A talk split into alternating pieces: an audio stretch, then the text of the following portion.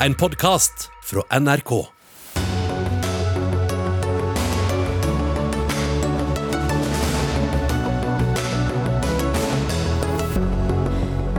Hvor politiske skal fotballspillere være? Skal de markere pride, stå opp mot menneskerettighetsbrudd i Qatar eller sette et kne i bakken i kampen mot rasisme? Det blir for mye, mener Rosenborg-trener Åge Hareide. Et utvalg vil gjøre det vanskeligere å ansette folk midlertidig. Det er for tidlig å gjøre endringer, protesterer NHO. Lan Marie Berg har fått en arvtaker i hovedstaden. En partifelle som står for det samme.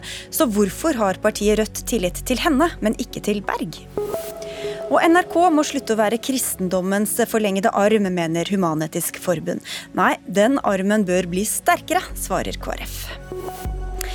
Det er noen av sakene i Dagsnytt 18 i dag, hvor vi også skal diskutere asylsøknader og strømpriser. Jeg heter Sigrid Solund. Det er blitt mye bråk i ettermiddag pga. noen uttalelser gitt til avisene Adresseavisen og Nidaros. Et av sitatene gikk slik Fotballen burde holdes ren. Jeg synes vi burde finne ut hvordan vi ikke skal bruke idretten til eh, propaganda for eh, hva som helst. Sitat slutt. Det var du som kom med uttalelsene, Rosenborg-trener Åge Hareide, og du har beklaget deler av ordbruken og sagt at dette ble feil. Hva var det du egentlig prøvde å si? Nei, altså det, det, med propaganda var, var feil. for det, det, Dette er en, eh, på mange måter en eh, For det første, det politiske er for eh, for så vidt greit, men, men, alle andre på mange måter alle andre eh, ting som blir, som blir, diskutert i samfunnet vårt, og der det er motstandere for og imot, og, og det blir en bevegelse ut av det, så mener jeg at det bør holdes borte fra, fra idretten. og det å få en, en, debatt og diskusjon rundt det, det var egentlig det som var utgangspunktet. fordi at det, eh, Spørsmålet var om, eh, om, vi var for eller mot at Uefa ikke tente Allianz stadion i regnbuefarger. Eh, Uefa fungerer jo sånn at medlemslandene må vedta noe sammen. da. Og Det er ingen retningslinjer for hvordan vi skal forholde oss til verken det politiske eller til bevegelser i fotballens verden. Og Det var, det var hele utgangspunktet. Kom det litt feil ut fordi at eh, jeg brukte ordet propaganda. Det som er sagt, det beklager jeg. Men det som eh, også var headliner i Adresseavisen, var at jeg var mot pride. da. Men det var den pride-markeringa der som, som, jeg mente Uefa gjorde riktig i. Og ikke være med på. Ja, hva slags bevegelser er det du viser til eh, som fotballen kanskje ikke burde engasjere seg i? da? Nei, altså, det, det, handler ikke om hva de ikke burde engasjere seg i. Det handler mer om, om, antallet, og det kan også øke. Da. For Vi har jo hatt eh, en veldig veldig god eh, rasismekampanje styrt fra Uefa. Og Den har vært, eh, vært helt viktig for, for, fotballens verden. fordi at vi, vi har fotballspillere fra hele verden. Vi har spillere i lagene våre. Det handler om likeverd og mangfold og alt som, som man hører under det. Og, Der har Uefa tatt hånd om det, og, det støtter jeg veldig godt. Så har vi Black Lives Matter. Det kom fra USA inn i, Premier League. og Under EM nå så var det lag som gikk på kne, og lag som sto. Og Da viser det at det, det ikke er retningslinjer fra, fra det nasjonale forbundet på hvordan man skal håndtere det. Så det kan bli litt kaotisk, og flere kan melde seg på. og Til slutt så har vi så mange, mange saker vi skal forholde oss til at det, det kan bli for mye. Så, så, dette bør ikke komme fra lagene selv, f.eks., men, men man skal bare engasjere seg i det som Uefa sentralt går inn for å markere?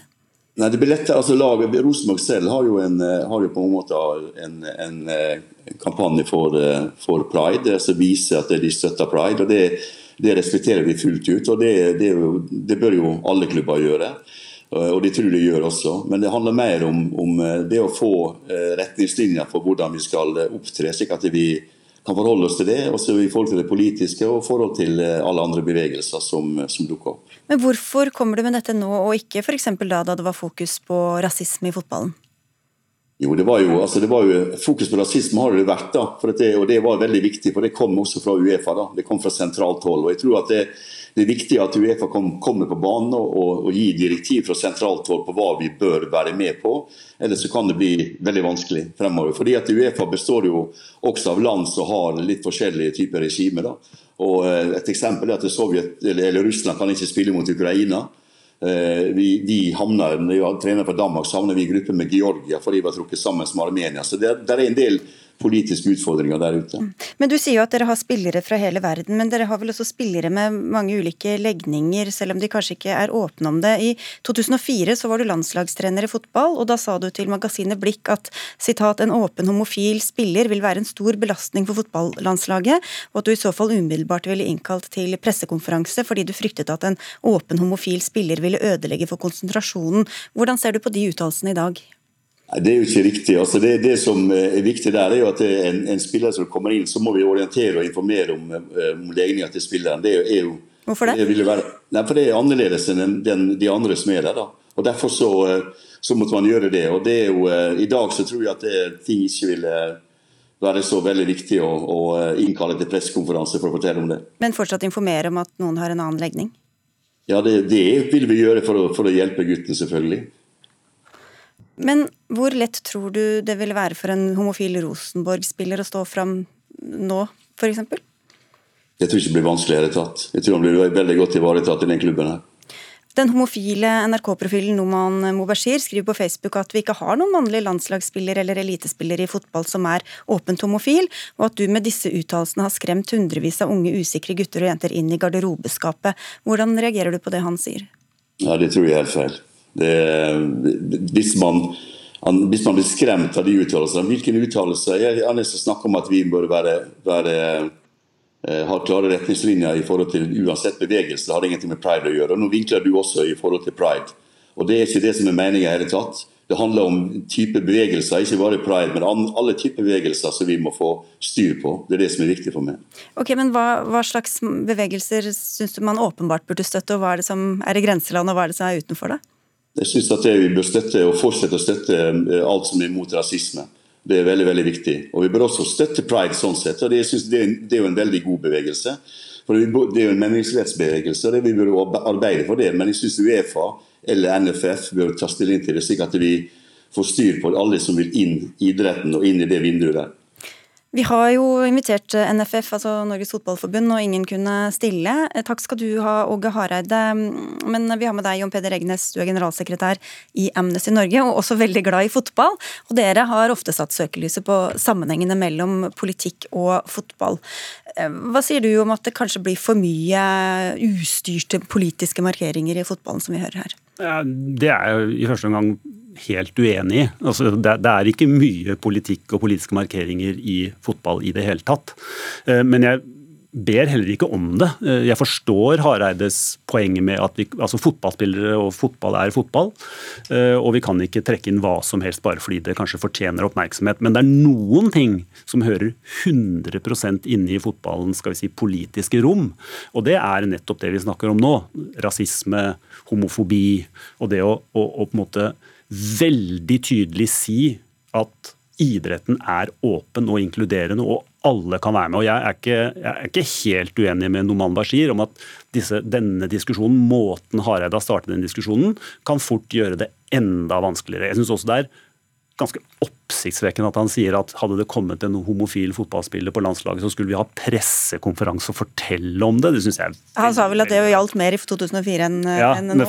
Det, ja, men i 2004 var det vel også mange, både i, i enkle idretter, dessverre særlig i kvinneidrett, hvor det er mye enklere å være åpen, hvor, hvor, dette var kjent, hvor man ikke hadde pressekonferanse om det. Sånt, sånt er veldig veldig rart, og sier egentlig litt hvor kort herrefotballen har kommet uh, på dette området. Så, så jeg tenker at uh, her uh, blander Hareide veldig, fordi han, liksom, han, sier at det er et stort problem med, med, politiske markeringer. Det er det ikke. Det er to områder som har vært tre da, som er tydelige. Det er antirasisme antihomofobi, og så har det fordi det er migrantarbeidere i Qatar som bygger fotballstadionene og kommer til å servere maten til fotballspillerne og re opp sengene deres osv., så, videre, så har det også vært et poeng i forhold til akkurat Qatar. Men nå, jo, nå, nå, skjedde jo dette samtidig som det er pride, da, som vi snakket mm. om. Eh, som jo også er en polit, mye, mye, politikk i pride-feiringen også. Hva med fotballspillere som f.eks. er mot likekjønt ekteskap? da? Hvordan skal de forholde seg til at eh, klubben deres jo, men, men pride, er jo, pride er først og fremst, og regnbueflagget er først og fremst en markering av et samfunn som er åpent og inkluderende og tar likeverd på alvor. Og jeg mener at hvis du er imot det, så skal det være litt vanskelig. Og hvis du er en fotballspiller som spiller for en klubb, som er for likeverd, for integrering, for at klubben er åpen for alle, så må du vurdere om du kan fortsette den jobben, akkurat som du og jeg må vurdere om verdigrunnlaget i arbeidsplassen vår er, gjør at vi kan fortsette å jobbe der. Eh, ja, det er politikk, men det er en politikk som handler om å, å på en måte beskytte menneskeverdet. Det er ikke hvor høy skatt du skal ha eller, eller slike ting. Og det er på en måte noe vi eh, som samfunn er enige om, og som fotballklubber tar standpunkt til. Så f.eks. endringer av arbeidsmiljøloven, det er ikke noe fotballen trenger å ta stilling til?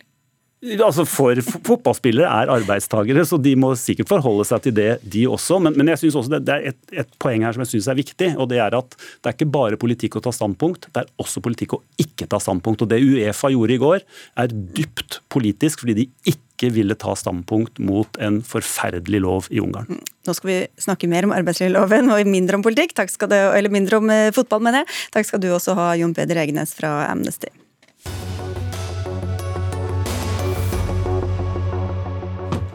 Som lovet, arbeidstakere bør få mer å si og sterkere rettigheter i framtidas arbeidsliv. Det er noen av konklusjonene fra et utvalg som har sett på hvordan arbeidsmiljøloven harmonerer med utviklingen i det norske arbeidslivet. Det er du som har ledet dette arbeidet som har pågått i to år, og fått oppdrag om å gjøre det fra regjeringa. Jan Fogner, du er partner i advokatfirmaet Wiersholm til daglig. Hvordan har arbeidslivet utviklet seg de siste årene, som kanskje har gjort det nødvendig å se på lovgivningen på nytt? Uh, arbeidsmiljøloven har vært fundamentet for norsk modell, uh, og vi har hatt stabilitet lenge. Uh, men nå har det skjedd endringer. Vi har fått ny gruppe arbeidskraft i Norge som er mindre ressurssterk. Det har blitt press på dette med fastansettelser. De som bringer varer hjem til deg når du har handla på nettet. De er ofte registrert som selvstendige, eh, selv om de er ansatte. Medvirkning er også blitt annerledes. 70 eh, av oss jobber nå i store konserner, også mediekonserner. Eh, og medvirkning som du hadde i ditt datterselskap er ikke lenger så relevant som det den var før. Så vi foreslår å gjøre noe med fastansettelsen, med medvirkning, sånn at du kan få sagt din mening der det teller. Det kom en lovendring i 2015 som åpnet for mer bruk av midlertidige ansettelser. Hva har dere funnet ut av eh, når det gjelder hvordan den er blitt brukt? I 2015 så fikk eh, regjeringen gjennomslag for at du kunne ansette midlertidig uten grunn. Eh, tanken var å få inn vanskeligstilt arbeidskraft. Det er det ikke blitt noe nå. Altså folk som ikke så lett fikk jobb? Ja, mm. ikke sant. Eh, det har ikke virket. Eh, de som var imot det og gikk i generalstreik, de var redd for at fastansettelsen skulle bli ødelagt ved dette. Det skjedde heller ikke. Eh, vi mener at det er viktig å markere at fastansettelsen er det sentrale, og skal det være midlertidig, så er det fordi du trenger en vikar, en sesongarbeider eller en som gjør noe spesielt. Vi er litt redd for at dette forslaget vårt om å oppheve denne regelen tar oppmerksomheten fra det som betyr noe. Den gang så fikk dette stor betydning, det var en symbolsak.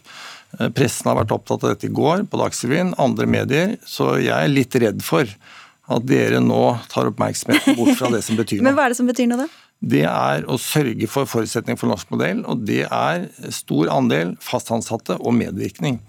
Eh, vi har fortsatt stor andel fastansatte og medvirkning, men der er det tegn eh, som tyder på at det er under press, sånn at vi foreslår å gjøre noe med det. Ja, for Hvordan er det den gruppa du nevnte, f.eks. de som kjører varene våre hjem, hvordan er det de forholder seg, hva slags lover og regler er det som gjelder for dem i dag? De er ansatte, men er veldig mange av de registrert som selvstendige uten å være det. De er helt uten rettigheter. De har ikke lov til å organisere seg, de har ikke lov til å kjempe for kravene sine. Som selvstendig så er det faktisk forbudt eh, å organisere seg, det er i strid med konkurransereglene. Så det er faktisk avgjørende at man klassifiserer folk eh, riktig. Det vi foreslår er at det er arbeidsgiver som nå må vise eh, at du er selvstendig. Hittil så har sykkelbudet måttet gå til retten eh, og bevise at han eller hun er, er arbeidstaker. Du, du, skal få slippe å diskutere, vi kan dessuten bare være tre i studio, men eh, på vei ut her Det var jo både arbeidstaker- og arbeidsgiversida som satt i dette ja. utvalget, men også folk utenfra, da, som, ja. som deg. Hvorfor tror du at dere havna på arbeidstakersiden i disse spørsmålene? Jeg syns det var interessant at alle de fire uavhengige ekspertene ser tegn i tiden da, som gjør at det er nødvendig å gjøre justeringer. Eh, og jeg tenker at Du bør utfordre arbeidsgiverne på hvorfor man vil vente til problemet er blitt stort, før man gjør noe med det. Høres ut som du egentlig burde bli sittende, men jeg skal prøve å ta det med meg videre. Takk skal du ha, Fogner. Da skal vi få inn eh, både NHO og eh, LO. Det var eh, altså ikke enstemmige konklusjoner. NHO og andre fra arbeidsgiversiden støttet ikke disse lovendringene. Og da kan vi jo ta det rett med en gang til deg, Margrethe Meder, avdelingsdirektør i NHO. Jeg vet ikke om du hørte Fogner på vei inn her? Ja. Noe av det, ikke alt. Ja, han sa jeg skulle spørre dere, hvorfor vil dere ikke ligge i forkant og ta disse endringene? Nei, Vi vil jo eh, understreke at vi er veldig glad for at vi har fått et så godt kunnskapsgrunnlag. Eh, og Det som eh, dette kunnskapsgrunnlaget sier, det er jo nettopp at vi har et godt arbeidsliv og stabile forhold. Lav andel midlertidighet, lav andel selvstendige. Men vi, ja. det, det, grunnlaget endte jo også opp i konklusjonene hvor de fire uavhengige ekspertene sier at her er det behov for å endre loven. Ja, Der vi skiller, det er jo at de i flertallet de ønsker å gjøre endringer basert på noe man tror kommer. mens vi vi mener at det er viktig å basere lovendringer på noe vi vet, et faktum som faktisk er der. Hvis vi lager lovendringer når vi ikke har grunnlag for det, som vi vet kommer, så kan vi risikere å treffe feil. Og Da regulerer vi noe som fungerer, og da kan vi gjøre det vanskeligere å være arbeidsgiver, og det er ikke lurt. Men Hvordan leser du at fire uavhengige eksperter mener noe annet, da? Vi er jo ikke uenige om faktagrunnlaget. Nei, men, men konklusjonen? Ja. Nei, jeg leser jo slik at man ønsker å regulere ut fra noe man tror kommer, og vi mener at det er en uriktig måte å lage lovregler på heller eh, etter snar enn føre var? Jeg tenker at Det er egentlig ikke det det handler om. Det handler om at Når vi gjør endringer i et så viktig lovverk, så gjør vi det på bakgrunn av noe vi ser vi trenger. og Det har vi gjort tidligere. ved. Vi har erfaring fra at vi har gjort endringer i f.eks. innleieregelverket, fordi vi har sett at det faktisk har vært en uheldig utvikling. utvikling. Og Når vi nå ser at det ikke er det, så syns vi det blir feil. Og Akkurat nå så trenger vi å lage gode rammer for arbeidsgiverne, sånn at vi kan lage jobber og ikke gjøre det vanskeligere. Trude Tindlund, du er LO-sekretær og satt i dette utvalget. Hvorfor trenger vi lovendringer når det går så godt? Ja, jeg hører eh, Margrethe her sier at vi trenger ikke justere noe nå. Vanligvis så pleier jo arbeidsgiversiden å være veldig opptatt av at vi ikke lever i vår egen lille boble her i, her i Norge. Så, så, det vi ser skjer i Europa bl.a. Og, og landene rundt oss på dette feltet her, det kommer jo også til oss på et eller annet tidspunkt. Eh, så for oss så handler det om å eh, gjennomføre justeringer i lovverket nå som vil sørge for at vi faktisk både viderefører og styrker den norske modellen. Det er det som er viktig for oss. Men hvorfor er du så sikker på at de tendensene vi ser i Europa skal komme hit? Ja, Vi ser jo, eh, vi ser jo deler av det allerede. Altså, vi ser det innenfor eh, plattformøkonomien f.eks. Vi ser det Hva betyr det plattformøkonomi? Det betyr type Fodora, eh, Volt, den type ting. Også, De som kjører varene og maten? Ja, ikke sant. Og, ja. Som er tilknyttet en, en plattform ikke sant? som er styrt av, av den teknologiske utviklingen. Og, og Vi er, er åpne for å ta i bruk teknologisk utvikling, men vi er veldig opptatt av å bevare de faste ansettelsene som grunnlag i, i den norske arbeidslivsmodellen modellen. For å ta et sånt eksempel, da, praktiske medier, som er en eller annen sjåfør som kjører rundt på natta for å levere pakker som skal ligge på, på trappa di når du åpner døra klokka sju om morgenen, som da står uten rettigheter, men som jobber for en bedrift. Hvorfor er det en god løsning? Det har vi heller ikke sagt at det nødvendigvis er. Eh, vårt poeng er at vi har en eh, arbeidstakerdefinisjon i loven i dag som er svært dynamisk. og Den fanger opp i seg de som skal ha vern og de som trenger vern. Så Vi er ikke uenige om at de som reelt sett er arbeidstakere, skal være det. Og vi mener at lovgivningen er god som den er. Blant annet har vi høyesterettspraksis som klart sier at eh, de som har behov for vern, ja, det er et moment i vurderingen om du faller i den ene eller den andre kategorien. Men hva betyr det? Må de gå til sak da, for å finne ut om de er ansatt eller ikke? Til syvende og sist så er det jo alltid sånn at hvis man er enig om et juridisk spørsmål, så kan den type ting ende i retten. Men poenget er at man kan ikke lage helt åpenbare, tydelige grenser på noen juridiske spørsmål, men intensjonen er jo helt enig med Trude i. Eh, og vi er like opptatt som LO av å bevare den norske modellen og faste ansettelse som hovedregel. Og Da er det veldig glad for at vi ser at det ikke er noen skremmende tendenser i faktagrunnlaget. Hva, hva kan være farlig da ved å ligge litt foran og ha et lovverk som, som hegner mer om det systemet vi har i dag? Ja, Det er jo som jeg sier, at hvis vi prøver å lage regler for noe som vi ikke helt klarer å definere, som vi ikke ser, så risikerer vi å treffe feil. Selv om vi ser det i andre land, og vi ser en tendens her i landet. Ja, nå er jo ikke vi helt enige i at vi nødvendigvis ser den tendensen, da. Eh, og vi mener at vi må vente og ha de tydelige eksemplene før vi lager reguleringer. Fordi hvis vi lager gale regler, så skaper vi en usikkerhet og usikre rammebetingelser for virksomhetene som gjør at de kanskje ikke drifter på en god måte, fordi det skaper tvister og uenigheter. Man må gjette seg til hvordan det skal bli, da, til Nei, men vi, vi, trenger ikke gjette. Vi ser jo allerede tegnene her på, på, hvordan ting utvikler seg. Så, så vi er ikke enige med at vi, det her er en vente, altså vi kan ikke ta en vente-og-se-holdning her. For det er for sent å snyte seg når nesa er borte, pleier jeg å si. Altså Vi er nødt til å gjøre justeringer nå, slik at vi sikrer at vi er på den rette kursen. Eh, og når det, når det kommer til eh, arbeidstakerbegrepet, så handler det jo også om at eh, den utviklingen i den arbeidsgruppen vi da ser, det er jo det er de som på en måte er litt ressurssvake på den måten at de må stå alene. Du må på individuelt grunnlag gå til sak mot arbeidsgiveren din hvis du, hvis du mener at du burde vært arbeidstaker. Og så, så har arbeidsgiveren underveis har argumentert med at, at, det er arbeidsgivers ansvar å velge den rette tilknytningsformen. Men etter vårt syn så er jo det helt klart en del arbeidsgivere som absolutt ikke tar det ansvaret, når man, når man kan skyve, skyve, risikoen over på dem som utfører arbeidet, og, og spare kostnader og ansvar. Så, så, Det er det vi ønsker å, å snu ved å ha en, en presumpsjonsregel, for da legger vi bevisbyrden over på den sterke part, som er arbeidsgiveren. Altså at du skal være ansatt til det motsatte er bevist? Ja. på en måte? Ja. Vi er, jo, vi er, jo, ikke uenig i ikke sant? at det er eh, mange grupper som er arbeidstakere og som skal defineres som arbeidstakere, men her er vi uenige rett og slett i hvordan vi teknisk juridisk skal regulere dette. Og vi mener at det er tilstrekkelig som det er i dag. Vi er bekymret for at en sånn regel vil skape unødige tvister og unødig usikkerhet. Men hvordan kan du både si at det er tilstrekkelig, og samtidig si at det ikke er nødvendigvis sånn at disse burde vært selvstendig næringsdrivende, de gruppene vi snakker om? Nå har ikke jeg sagt at de burde det. Eh, jeg sier at det, Nei, finnes, jeg sier at det finnes en definisjon i dag som eh, favner de som trenger vern. Eh, og slik jeg oppfatter utvalget, så har man foreslått noen justeringer, innlegge noen nye momenter i den definisjonen, som etter vårt skjønn skaper en fornyet usikkerhet. Men hva slags makt har de som bare står helt alene og, uten å organisere seg og, og er selvstendig næringsdrivende overfor en, en arbeidsgiver da, som sitter med så å si all makt? da? Eh, ja, altså Det er jo uh, ikke foreslått noen endringer sånn sett, hvis eh, flertallet har heller ikke gjort det. Det har jo vært drøftet om man skulle lage et lavterskeltilbud, så man slapp å gå innom domstolene og lage en nemndsløsning, som du sier, for å, for å, lette inngangen. Men det har jo ikke et utvalg, heller ikke flertallet, foreslått en sånn løsning. Man står fast ved at det er domstolene som er det riktige organet. Ja, det er riktig. Vi ønsker å ha fleksibiliteten der, men vi har tatt inn de viktigste momentene inn i loven. For vi har også tenkt gjennomgående å gjøre loven brukervennlig, fordi at arbeidsmiljøloven blir daglig brukt av veldig mange som ikke er jurister. Eh, tillitsvalgte, vanlige ansatte, arbeidsgivere osv. Så, videre. så det å gjøre det klart og tydelig i loven hva som på en måte ligger til grunn, de viktigste momentene, og så også da ha den presumpsjonsregelen inn, det vil, vil avhjelpe veldig mange som jobber i den gråsonen, altså ikke er riktig klassifisert kritisert. Nå var vi bare innom noen få eh, forslag. Det er langt flere. Den kan man jo finne bl.a. på nrk.no og mange andre steder. Takk skal dere ha, i hvert fall begge to. Margrethe Meder fra NHO og Trude Tindlund fra LO. Og Jan Fogner.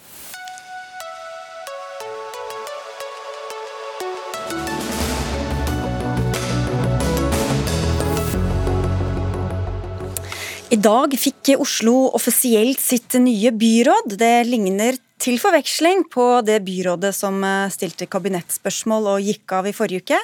Den eneste forskjellen er at byråd for miljø og samferdsel ikke lenger heter Lan Marie Berg, men Sirin Stav, også hun fra Miljøpartiet De Grønne.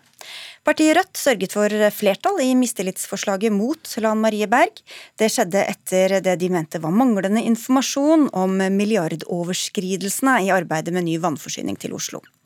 Eivor Evenrud, du er gruppeleder for partiet Rødt i Oslo. Og dere hadde jo ikke tillit til Lan Marie Berg, men tillit til resten av det samme byrådet som stilte seg bak Berg. Hvordan henger det sammen? Ja, det er helt riktig. Eh, de folkevalgte kan jo stille et sånn type forslag til én enkelt byråd. Eh, og det er veldig sjelden man stiller det til et helt byråd. Være, da er det stort sett byrådsleder man eh, stiller det mot.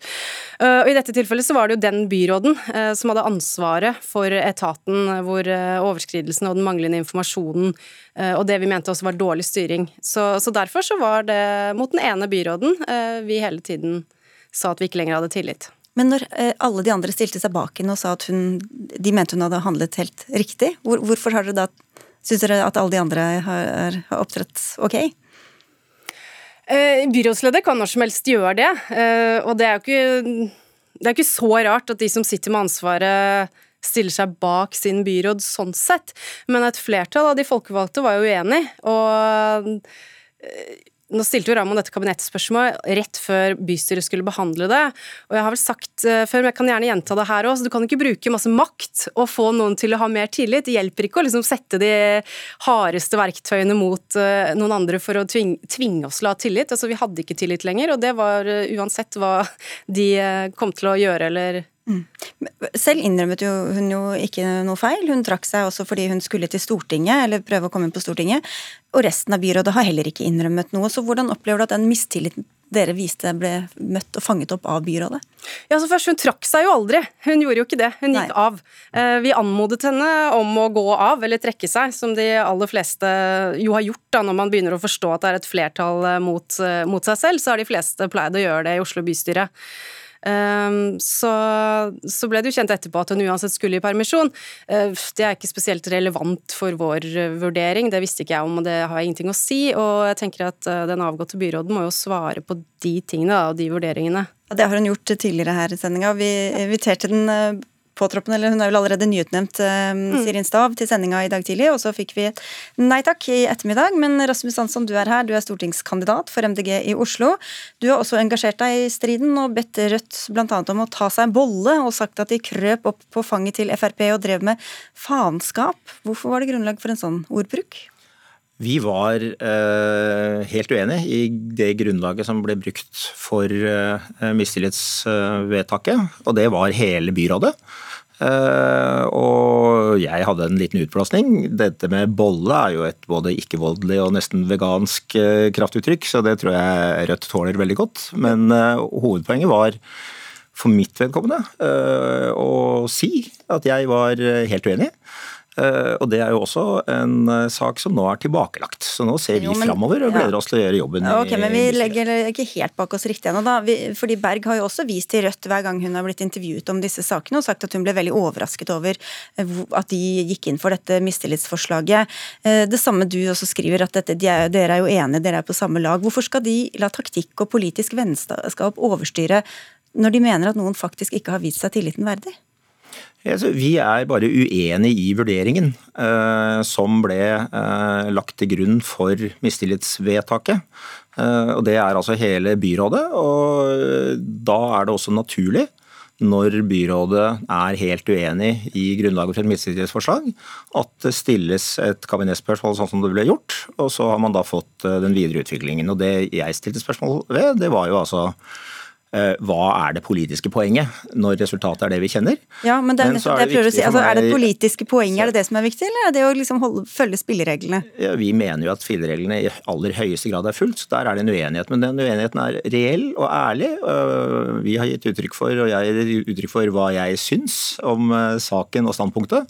Og så er vi jo ferdig med den saken. Ja, få høre med deg da, Evenrud. Dere, dere, har vel ikke møttes før, før dere kom, møttes her i dag? Dere har skrevet mot hverandre i avisen? Jeg har aldri møtt Rasmus Hansson før. Vi har jo hatt en eh, heftig utveksling av kronikker i media de siste dagene. Og så vil jeg jo anbefale I Dagsavisen, han, i Dagsavisen mm. og i Klassekampen har det vært med noen andre osv. Og, så videre, og så vil jeg jo anbefale Hansson neste gang, hvis han rett og slett er uenig, og bare kanskje skrive en melding på Facebook med at dette er uenig. For det har jo lagt ut ganske mye, mye rart, rett og slett om strukturell diskriminering, og det var, det var, det var liksom ikke måte på hva som var feil, at vi holdt satt der og lagde faenskap, og det, det Jeg syns det blir litt dumt, rett og slett. Jo, men altså, Dette er jo helt gjensidig. Takk i like måte. Men uh, så altså, er jeg også innstilt på altså, vi, har vært, vi har vært rykende uenige om en sak. Det har vi gitt uttrykk for, og nå gir uh, Eivor uttrykk for at uh, hun syns det var dumt. Jo, men Det virker litt Fint. som om i kronikken din som om du mener at de skulle hatt være å gjøre det fordi at dere egentlig er på samme side? på en måte? Jeg mener at vi skulle hatt være å gjøre det fordi grunnlaget for mistilliten var dårlig. Jo, men og, det, Sånn ville aldri MDG ha gjort. så sier du Vi ville aldri ha gått nei, krøpt opp på fanget til Frp. Nei, uansett om en byråd eller en, eh, eller en eh, statsråd hadde opptrådt som, på en måte som gjorde at dere ikke hadde tillit til dem? Hvis, hvis vedkommende hadde opptrådt på en måte som gjorde at det var godt grunnlag for mistillit, så vil jo vi også eh, fremme og stemme for et mistillitsforslag. Men vi mener altså at det ikke var ja, et godt grunnlag for mistillit. Ja, ja, Men... Derfor så har jeg gitt uttrykk for det. Okay. Eh, og så er vi veldig fornøyd med at vi nå kommer videre i denne saken. Den måten Lan Marie Berg er blitt behandlet på rent generelt, det er jo de aller fleste enige om at er ganske ille, og det har jeg også gitt uttrykk for. Men, Men hva har det med denne, denne, saken å gjøre? Men i denne spesielle mistillitssaken eh, så, eh, og diskusjonen med Rødt, så er altså min kritikk at det politiske grunnlaget for okay. å fatte det vedtaket, okay, det var kjempedårlig. Ja, det syns jeg jo var en bedre måte å si det på enn eh, de andre ordene man har brukt. Fordi eh, jeg er folkevalgt i, Oslo, og da er det jo sånn at man må ta det på ansvar. Det er et tillitsverv. Og jeg kan ikke sitte og vurdere hva øh, Altså, hvordan vil dette se ut hvis sånn og sånn og sånn? Du må gjøre det som er riktig. Det er helt klart at når det overskrides en sånn budsjettramme, som det formelt ble gjort 17.2, så er det de folkevalgtes anliggende, og det var de flere måneder uten at vi visste om det. Jeg har sansen for MDG. Det står et flertall bak enhver politikk som føres i Oslo. Men vi kan jo ikke la være å gjøre det som er riktig, og som vi egentlig har forplikta til å gjøre, bare fordi det er noe vi liker. Nei, men Nå forutsetter du at det du gjorde var riktig. Og dette er altså eh, MDG, SV og Arbeiderpartiet rykende uenig i. Mm. Og så har vi konstatert det. det. Eh, okay. Og så får så, du men... mene at du har rett, og så mener jeg at jeg har rett. Og så har vi altså ferdig med den saken. Ja, ferdig med den saken. Hva slags samarbeidsklima blir det framover, tror du, Evenrud? Eh, det tror jeg kommer til å bli helt greit. Eh, I Oslo så samarbeider jo vi med de tre partiene. Sirin Stav, som nå har tatt over som ny byråd, har vært gruppeleder, og hun har vi samarbeidet med i mange år. Eh, så det har jeg ingen problem med å se for meg at skal gå helt fint. Og så får vi kanskje holde oss til at vi driver med politikk og forsøker å gjøre en ordentlig jobb her, istedenfor å kalle det for faenskap. Okay. Og så ønsker jeg deg en god sommer. Det er gjensidig, og tilbudet om bolle står fortsatt okay, En litt hyggeligere bolle denne gangen. Ok, Da lar vi det bak oss allerede første møte. Dagsnytt 18 tar ikke sommerferie, bare for å ha sagt det til alle som lytter og ser på der ute. Takk skal dere ha, Eivor Evenrud fra Rødt og Rasmus Hansson fra MDG.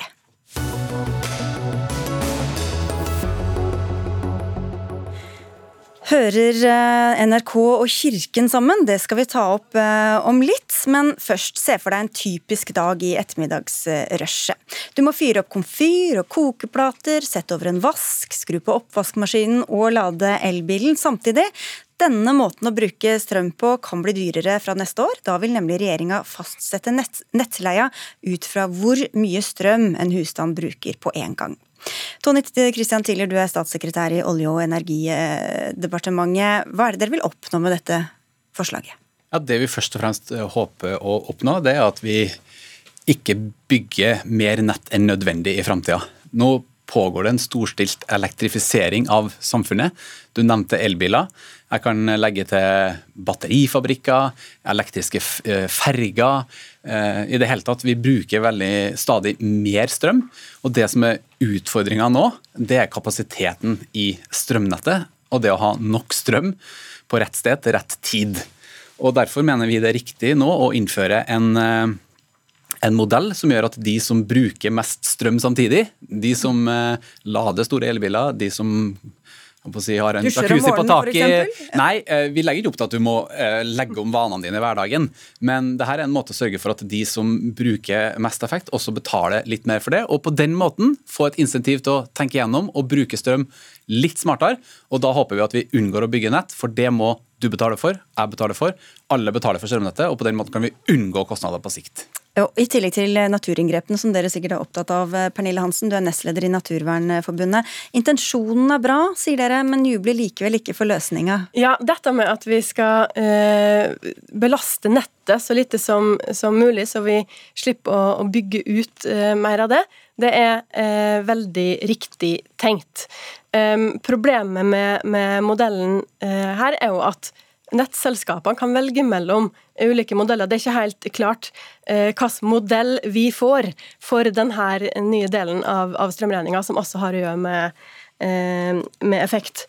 Eh, sånn at rett og slett så er vi litt usikre på effekten av den effektbiten her, fordi at vi, vi kan få mange forskjellige modeller rundt om i landet for det. Men det er et, et annet problem som er større med denne nye nettleieordninga, og det er rett og slett at forbruk her vektes mindre og den faste delen vektes mer. Altså Det er jo sånn i dag at du betaler for tilgang til nettet. Eh, litt som at du betaler eh, veiavgift for bil, sant? og så betaler du eh, for det du bruker. Litt som at du betaler for drivstoffet. Og vi mener at det må være mer av prisen som kommer an på hvor masse du bruker, rett og slett fordi at vi trenger denne strømmen i overgangen ja. til et fornybart samfunn. For da vil det ikke lønne seg nødvendigvis å, å spare på strømmen, men bare bruke den midt på natta i stedet for f.eks.? Nei, Det handler om å bruke strømmen smartere. og Jeg noterer meg den kritikken som har kommet fra enkelte om at det blir mindre lønnsomt å gjøre energieffektiviseringstiltak, da, som, som er det siktes til. Det er jeg uenig i. for det vil alltid lønne seg å gjøre tiltak. I en eldre bolig f.eks. bytte ut vindu, sånne ting som vi kjenner til fra før. Etterisolere. Eh, fordi en kilowatt spart, det er en kilowatt spart uansett. Eh, og det her, eh, viktigste med det her er som sagt at vi alle sammen i sum kommer til å spare på det i lengden, fordi vi trenger å eh, mm. bygge mindre nett. Men, ja, for Det var jo noen av eksemplene vi hadde på nrk.no i dag. Hvis du installerer varmepumpe eller solcellepanel eller hva som helst, så vil det jo fortsatt Du sier det vil lønne seg, men det vil jo lønne seg mindre enn det gjorde med den gamle ordninga, hvor hvis strømbruken er dyrere enn selve nettleien. Men velger du f.eks. og har anledning til det og sette solceller på taket, så finnes det andre ordninger for det. Og vi har eh, nylig sendt ut på høring forbedringer av det systemet også, sånn at borettslag f.eks. kan benytte seg av det. Og har du muligheten til det, i eksempelet fra NRK i dag, så var det jo snakk om bergvarme. Det er nok en ganske dyr investering, og ikke aktuelt for noen som bor i et borettslag eller et rekkehus f.eks. Så der mener vi egentlig er ganske solidarisk òg, at de som bruker Kall det gjerne en Tesla-tariff. da, altså at eh, De som kommer hjem og lader Teslaen sin, de skal tenke på at Kanskje kan jeg heller lade den eh, i kveld og i natt istedenfor eh, i ettermiddagsrushet på nettet da, eh, klokka, klokka fem, når, eh, når strømforbruket er veldig høyt. Mm. Ja, men saken er jo at Samtidig som vi nå endrer på nettleia sånn at det lønner seg mindre eh, å installere den varmepumpa eller det solcellepanelet, så kutter jo også Enova i støtta til de her tiltakene fra og med 1. juli. Eh, sånn at det ser jo ikke ut til at eh, regjeringa forstår alvoret i, i både klimakrisa og naturkrisa, som gjør at vi trenger all den strømmen vi kan eh, for å fase ut all den fossile energien vi bruker. Jo, det, jeg mener Det er akkurat det vi eh, forsøker å oppnå, eller kommer til å oppnå med den her, i kombinasjon med andre virkemidler. Og så, så eh, har vi andre er å, å, nei, vi har andre virkemidler, f.eks. denne plusskundeordninga for eh, solceller på tak. Enova gir, Det er fortsatt mulig å søke Enova om støtte til energieffektiviseringstiltak i eldre boliger. Enkelte kommuner har egne støtteordninger for å fase ut oljefyr og, og den slags. Men denne ordninga dreier seg om strømnettet og den nettleia du betaler. Og Her er det snakk om å finne insentiver for strømkundene til å bruke strømmen litt smartere i løpet av døgnet. Gjerne ved bruk av tekniske løsninger, nye smarte dingser. Det kommer til å gagne alle. Og så kan vi mm. gjerne diskutere liksom, om man bør ha andre virkemidler for eh, energieffektivisering, men det er uansett noe som lønner seg for forbrukeren. Og det å men, men, spare på strøm, det vil alltid lønne seg. Ja, Men så er det ikke alle som har den gleden av å kunne være så fleksible. Hva med store familier f.eks., som må bruke all strømmen akkurat når de må? Nei, men som jeg sa, det, Vi legger ikke opp her til at det skal føre til at du må måtte legge om vanene dine i hverdagen. Det her er først og fremst at de som har mye forbruk samtidig, vil komme til å merke det. Bor du i en borettslagsleilighet eh, eller et rekkehus, så tror jeg du kommer til å merke veldig liten forskjell på det her. Men det er greit at alle sammen blir litt mer bevisst på kan jeg lade på et annet tidspunkt? Kan jeg spre det litt utover? Det er veldig lurt. Da unngår vi å bygge i natur, og vi unngår kostnader. Så det her eh, er en veldig forbrukervennlig ordning som jeg er sikker på kommer til å stå seg, og vi ser effekten av den over noen år. Helt enig i at dette her er en god idé. Problemet er bare at vi ikke eh, ser Vi vet ikke hva slags eh, modeller de kommer til å velge ut til nettselskapene. Viktig oppgave overfor kundene sine her til å informere og få dem med på laget. Og det er store regionale og lokale forskjeller rundt omkring i vårt langstrakte land, så det er fornuftig at nettselskapene også eh, de, de har en jobb å gjøre her nå.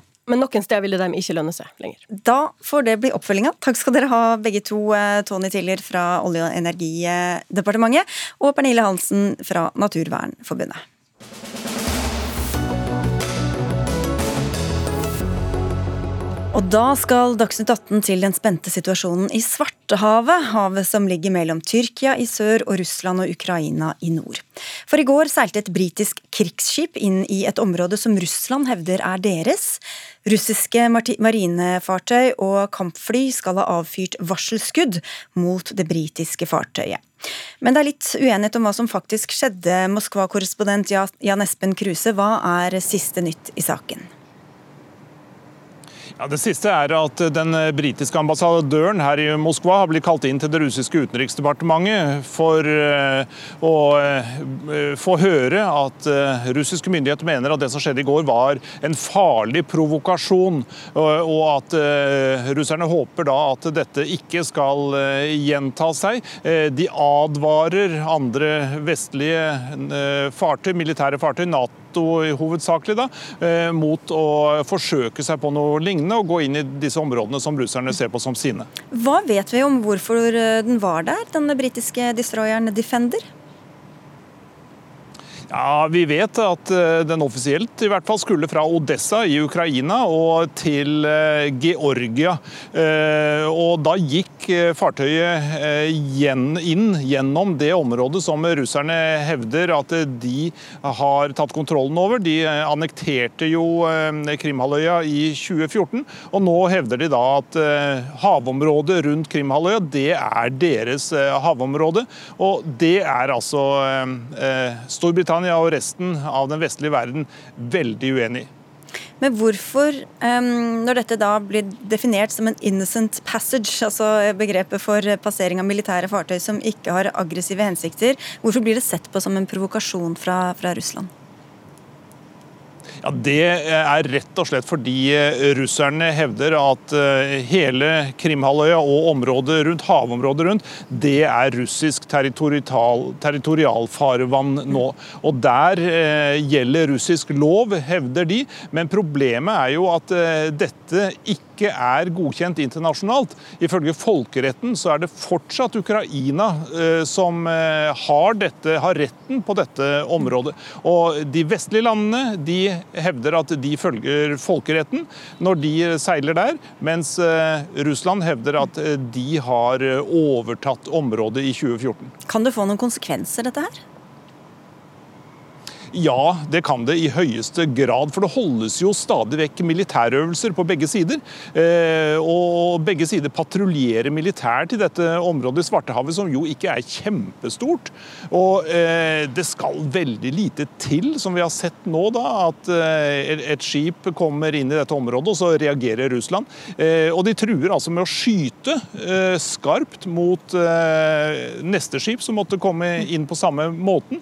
Og, og da vil man jo være, hvis det skjer, så vil man jo være i en krigslignende situasjon. Så eh, dette kan utvikle seg veldig fort og bli veldig, eh, veldig dramatisk på, på kort tid.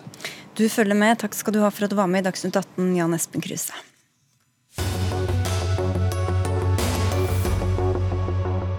Mens det ene båndet etter det andre kuttes mellom stat og kirke, så er de fortsatt til stede mellom NRK og Den norske kirke. Ja, for NRK framstår det som det naturligste ting i verden å ta på seg oppgaven som kristen forkynner.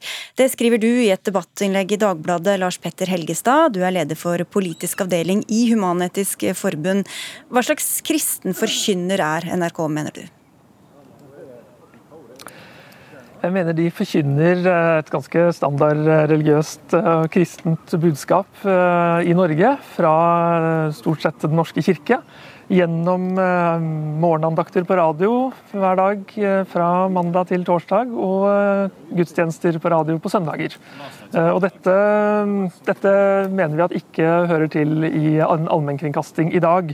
Eh, det må selvfølgelig være programmer om religion og livssyn, på samme måte som det skal være god undervisning om religion og livssyn i skolen. Men at NRK som kringkaster tar stilling til hvilken religion eller livssyn som er riktigst, og promoterer det, det er feil. Og gudstjenester eh, på første påskedag f.eks., skal de også bort? For å diskutere detaljene her. Eh, vi har forståelse for at i noen unntak må det være rundt høytider. Det kan være begravelser for kjente nordmenn eh, og andre anledninger hvor det er riktig å sende det. Sorg- og minnemarkeringer osv. Men den daglige forkynnelsen den er eh, ikke på sin plass. Du kan sammenligne det med at NRK skulle heie spesielt på Rosenborg og løfte de fram hver eneste dag for, på, på bekostning av alle de andre fotballagene. Da. Kringkastingssjef Tor Gjermund Eriksen skulle gjerne ha deltatt i denne debatten, sier han. Han hadde ikke anledning i dag, men eh, påpeker at NRK står seg godt med det tilbudet som er i dag, og at det er et redaksjonelt ansvar og ikke et politisk å ta opp redaksjonelle avgjørelser. Men du tar like fullt debatten, Jorunn Gleditsch Lossius. Du er stortingsrepresentant for Kristelig Folkeparti. For i et innlegg i Vårt Land så tar du til orde for å styrke formidlingen av den kristne kulturarven i NRK. Hvordan bør det skje, mener du? Absolutt. Vi ønsker å styrke formidlinga av kristen kulturarv og kristen tro i NRK. Syns det er helt naturlig. Og vi syns jo også at det er veldig smålig av Human-Etisk Forbund å vil frata folk morgenandakten, vil frata de de her gudstjenestene. Vi må huske det at morgenandakten, den er folk utrolig glad i over det ganske land. Selvfølgelig skal vi ha den i et land som bygger på en kristen kulturarv. Mange mennesker bygger jo hele morgenrutinen sin rundt denne morgenandakten og føler at de blir oppbygga og oppløfta. Selv ikke-troende mennesker sier at det her er noe de setter pris på hver morgen. Mm. Også, men, men, nå er vi jo et flerkulturelt og flerreligiøst samfunn. Hva med forkynnende jødiske og muslimske programmer f.eks.? Absolutt så må vi legge til rette for, og det står jo også i NRK sin eh, plakat, at man må vise et mangfold. Men vi kommer ikke unna av at, uh, utenom at uh, kristendommen står i en særstilling i samfunnet vårt.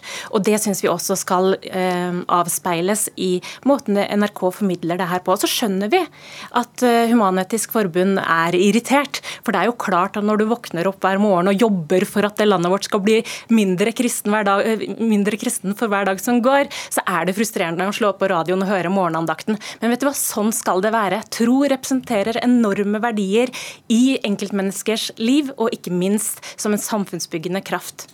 Ja, For å ta dette, Helgestad. Du sa du sammenlignet med å bare heie på ett et fotballag. Men nå er det jo et av disse fotballagene som har vært med oss ganske mye lenger enn de andre fotballagene. Eh, hvorfor skal ikke det gjenspeile, og nå håper jeg alle skjønner at jeg snakker i bilder her, eh, også hva som eh, sendes på NRKs flater? Det er uh, først og fremst veldig tilbakeskuende. Uh, men jeg må bare få rette at vi, vi, jobber ikke for at Norge skal bli mindre kristent, men vi representerer en rekke mennesker i Norge, 100 000 medlemmer, som ikke er kristne. Uh, og vi ser også at det er stadig flere i Norge som ikke er kristne.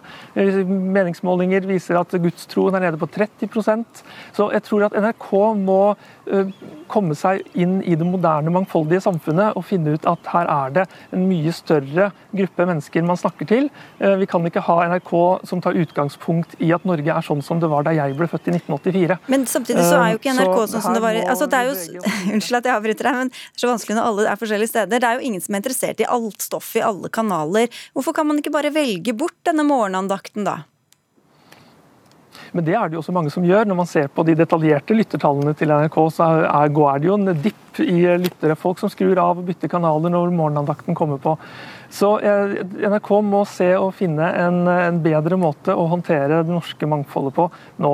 Men kulturarven, der er Lossius jeg helt enig. Den skal vi selvfølgelig formidle også i NRK. Det kan vi gjøre i debatter, i dialoger, i dokumentarprogrammer og på mange andre måter. Snakke om hva som har vært bra med den, hva som har vært dårlig med den. Ja, For nå er det forkynnelsen du tar, tar, tak i, da? Ikke sant? Det er noe annet. Forkynnelsen. Det er forkynnelsen som er problemet. Ja, men, men, den kristne kulturarven uten å formidle selve selve innholdet. Ja, men da må man jo også, Hvis man skal formidle annen kulturarv, så må man også formidle, ha forkynnelse av alle de andre religionene, da, hvis man skal snakke om dem? Vi er ikke redd for å gi innsikt i andre typer religioner. Vi er Nei, veldig for et livssynsåpent samfunn. Du sier det er meningsløst å gi informasjon om kulturarven, den kristne kulturarven, hvis man ikke også forkynner. Da må vel det også gjelde for alle de andre, at de, også alle andre religioner og livssyn skal bli forkynt? Ja, det er åpent for å forkynne, og også for andre i landet vårt. Vi er et livssynsåpent samfunn, og jo, det er KrF veldig glad for. vi om nå, da. Men Poenget er at 85% Nei, men, av befolkninga tilhører trossamfunn. Ut fra det du selv sa, mener du da at NRK også skal sende forkynnende programmer eh, for andre religioner enn den kristne? Jeg er opptatt av at vi har en kristen kulturarv i landet vårt, og at kristendommen sånn sett står i en særstilling, og at det er mange ja, mennesker der ute Du sa nettopp at det var ikke noe vits i Unnskyld, altså, men jeg bare opplever ikke at du svarer på spørsmålet. Du sa nettopp at det var ingen vits i å Fordi han, Human-Etisk Forbund, også mener at man skal snakke om kristen kulturarv, om kristendom og andre religioner. Og så sa du det var, gir ingen poeng, det gir ingen mening, det er ikke noe vits i å ha det uten forkynning også. Hvorfor gjelder ikke det også da for andre religioner? Ja, vi tenker Når vi snakker om kristen kulturarv, så kan du snakke om at vi bruker milliarder på istandsetting av, av kulturhistorisk viktige kirkebygg, men det gir ikke mening å videreformidle den arven uten at vi også eh, videreformidler innholdet i den troen. Og det er eh, de kristne verdiene som vi har bygd landet vårt på til i dag. Skjønte, skjønte du ikke hva jeg spurte om? Jo, absolutt. Og jeg er i ferd med å forklare okay. at de, de, kristne verdiene vi har bygd landet vårt på i dag, de har vært en suksesshistorie. Og det vil de også være i fortsettelsen. Og i møte med andre religiøse minoriteter så etterlyser de nettopp det her. Hvorfor er ikke nordmenn mer frimodige på sin eh, nei, på sin mm. eh, kulturarv, sin kristne kulturarv, sine kristne verdier? De syns det er helt uproblematisk at vi har gudstjenester, at vi har eh, andakter i vår statskanal. Det skulle bare mangle. Mm, ok, det var ikke det jeg spurte om, men takk skal du ha for svaret uansett, Jorunn Gleditsch Lossius fra Kristelig Folkeparti, og takk til deg, Lars Petter Helgestad fra Human-Etisk Forbund.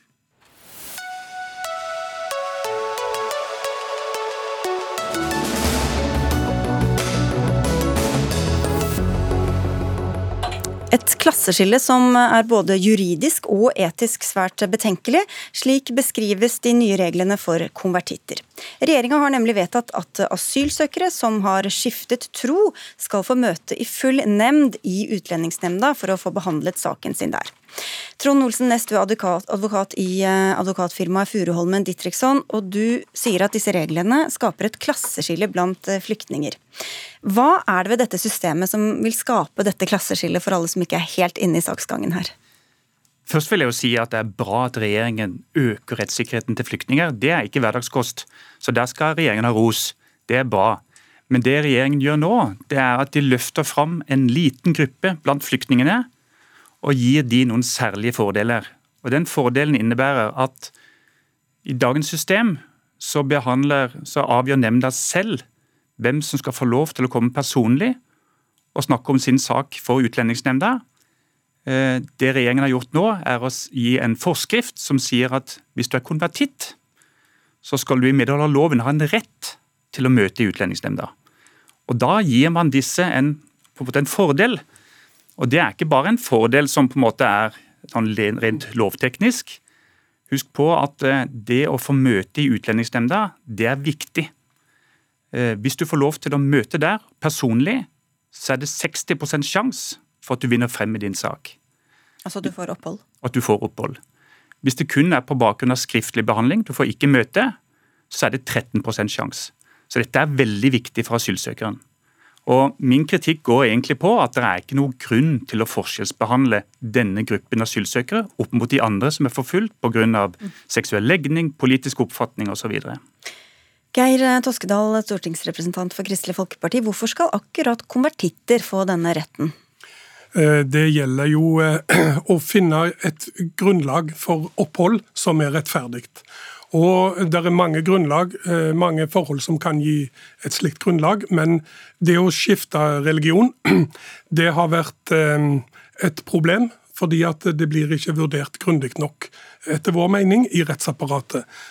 Dette er en sak jeg har jobba for i sju år, og som regjeringen nå gjennom Granavolden har greit. Så det er en stor forbedring av norsk rettspraksis, av lovgrunnlaget for disse menneskene. Og vi er jo interessert i at mennesker blir vurdert ut ifra den realiteten de opplever. Og det skulle bare mangle at de ikke får møte opp for å forklare sin egen sak. Men Hvorfor skal ikke alle andre også få det, da? Ja, men det kan de. Det kan de. Det gjelder jo ikke bare kristne, dette. Det er det viktig å presisere. Her er det Nei, men mener alle som ikke er konvertitter? Hvorfor skal konvertitter behandles annerledes enn de som f.eks. er eh, politisk forfulgte? Mm, hvis de er politisk forfulgte, så må de også avgi forklaring som holder mål. Eh, og da kan de også eh, fremføre sin sak, men det blir et helt annet forhold enn et indre anliggende som har med tro, som krever en helt annen måte å, å legitimere deres syn på. Ok, Så det er lettere å bevise på en måte at du er politisk flyktning enn at du har skiftet tro i, i, i, det, i skriftlig det, form? Er det det du mener? Jeg vil ikke sammenligne det, men jeg vil si at hvis du har et tros, eh, en konvertitt som har skifta tro, så er det viktig at han får forklare hva dette betyr. Det kan være liv og helse, arbeid, familier, total adskillelse, og at han da får ha med seg inn i UNE et vitne fra menigheten, en pastor, en prest, om andre. Det vil kvalitetssikre. Altså, En kan ikke bare se dette fra konvertittens side, en må se det fra samfunnets side. Vi skal ikke ha noe som lurer seg inn en snarvei. og Dette er da en forbedring av det juridiske praksis og lovgrunnlag. Yes. Ja, for altså Det som egentlig eh, Toskedal her sier, det er jo Problemet er jo at han vil ikke sammenligne denne gruppen opp mot andre grupper. Flyktningkonvensjonen likestiller alle grupper flyktninger og sier at de skal få en likebehandling. Det regjeringen gjør nå, er å forskjellsbehandle. De plukker ut en gruppe, og så vil de ikke måle disse opp mot politisk oppfatning, seksuell legning osv. Rase, f.eks. Det er ikke vanskeligere å tematisere konvertittproblematikk for UNE enn det er å problematisere i forhold til seksuell legning og politisk oppfatning. Jeg skjønner at KrF har et ønske om å løfte konvertitter frem, rent politisk, men å lovfeste dette her og forankre det, en forskjellsbehandling i forskriften, det er veldig spesielt. Det har aldri skjedd før at man forskjellsbehandler flyktninger gjennom lov og forskrift. Du kaller det ukristelig? Jeg har ikke kalt det ukristelig. Det er faktisk en, en nemndleder i UNE som i et debattinnlegg i Vårt Land kalte det ukristelig. Og Jeg har ikke noen forutsetninger for å si det, men jeg syns det er betenkelig både juridisk og etisk. Dette har jo først og fremst ikke noe med, med eh, kristent livssyn å gjøre. Dette er trosfrihet generelt. Det skal gjelde for alle. Ja, men, men, men du må jo nesten sammenligne det når man tar en gruppe og gir den ja, fordeler som, som de andre ikke får. Jeg skal være den første på vegne av KrF som kan være med å utdype forskriften også for politisk, hvis det er noe mangler der. Det har vi ikke opplevd. Vi har ikke fått samme trøkket.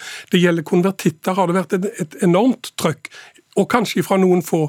Det, det har vært snakk om liv og helse ved å, å, havne tilbake igjen. Så vi skal ta tak i de områdene, hvis du kan konkretisere ja, det, det med største si, det, glede. Men det, det, det, som på en måte regjeringen sier, og Justisdepartementet sier i pressemeldingen, det er at dette gjøres bl.a. fordi at man opplever at det er manglende tillit i trossamfunnet til at systemet fungerer.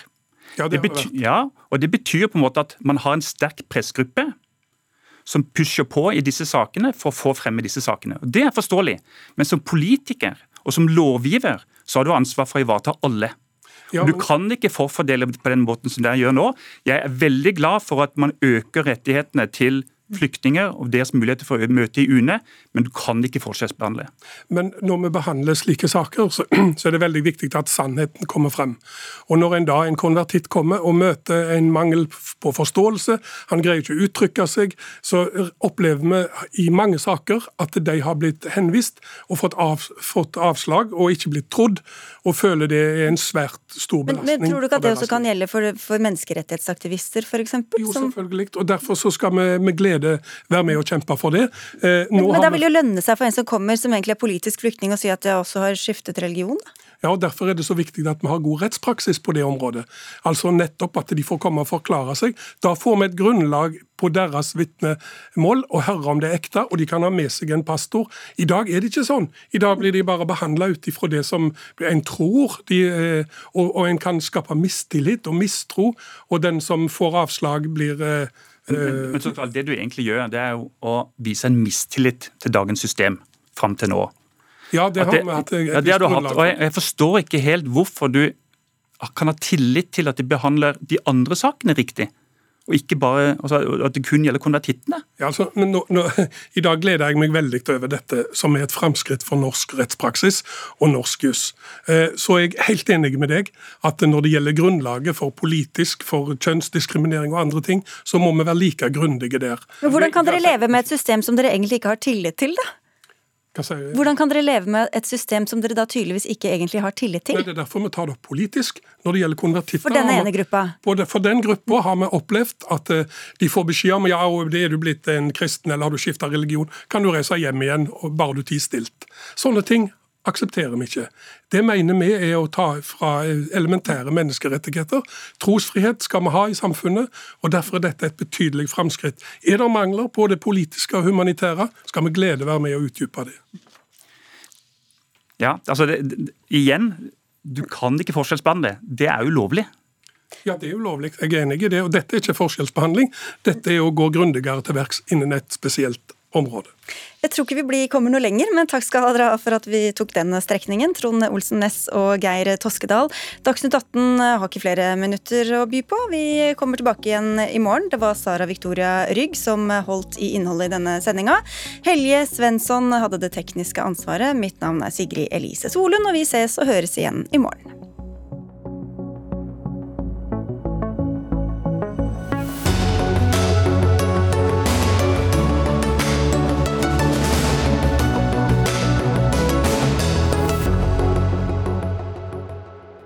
Du har hørt en podkast fra NRK. Hør flere podkaster og din favorittkanal i appen NRK Radio.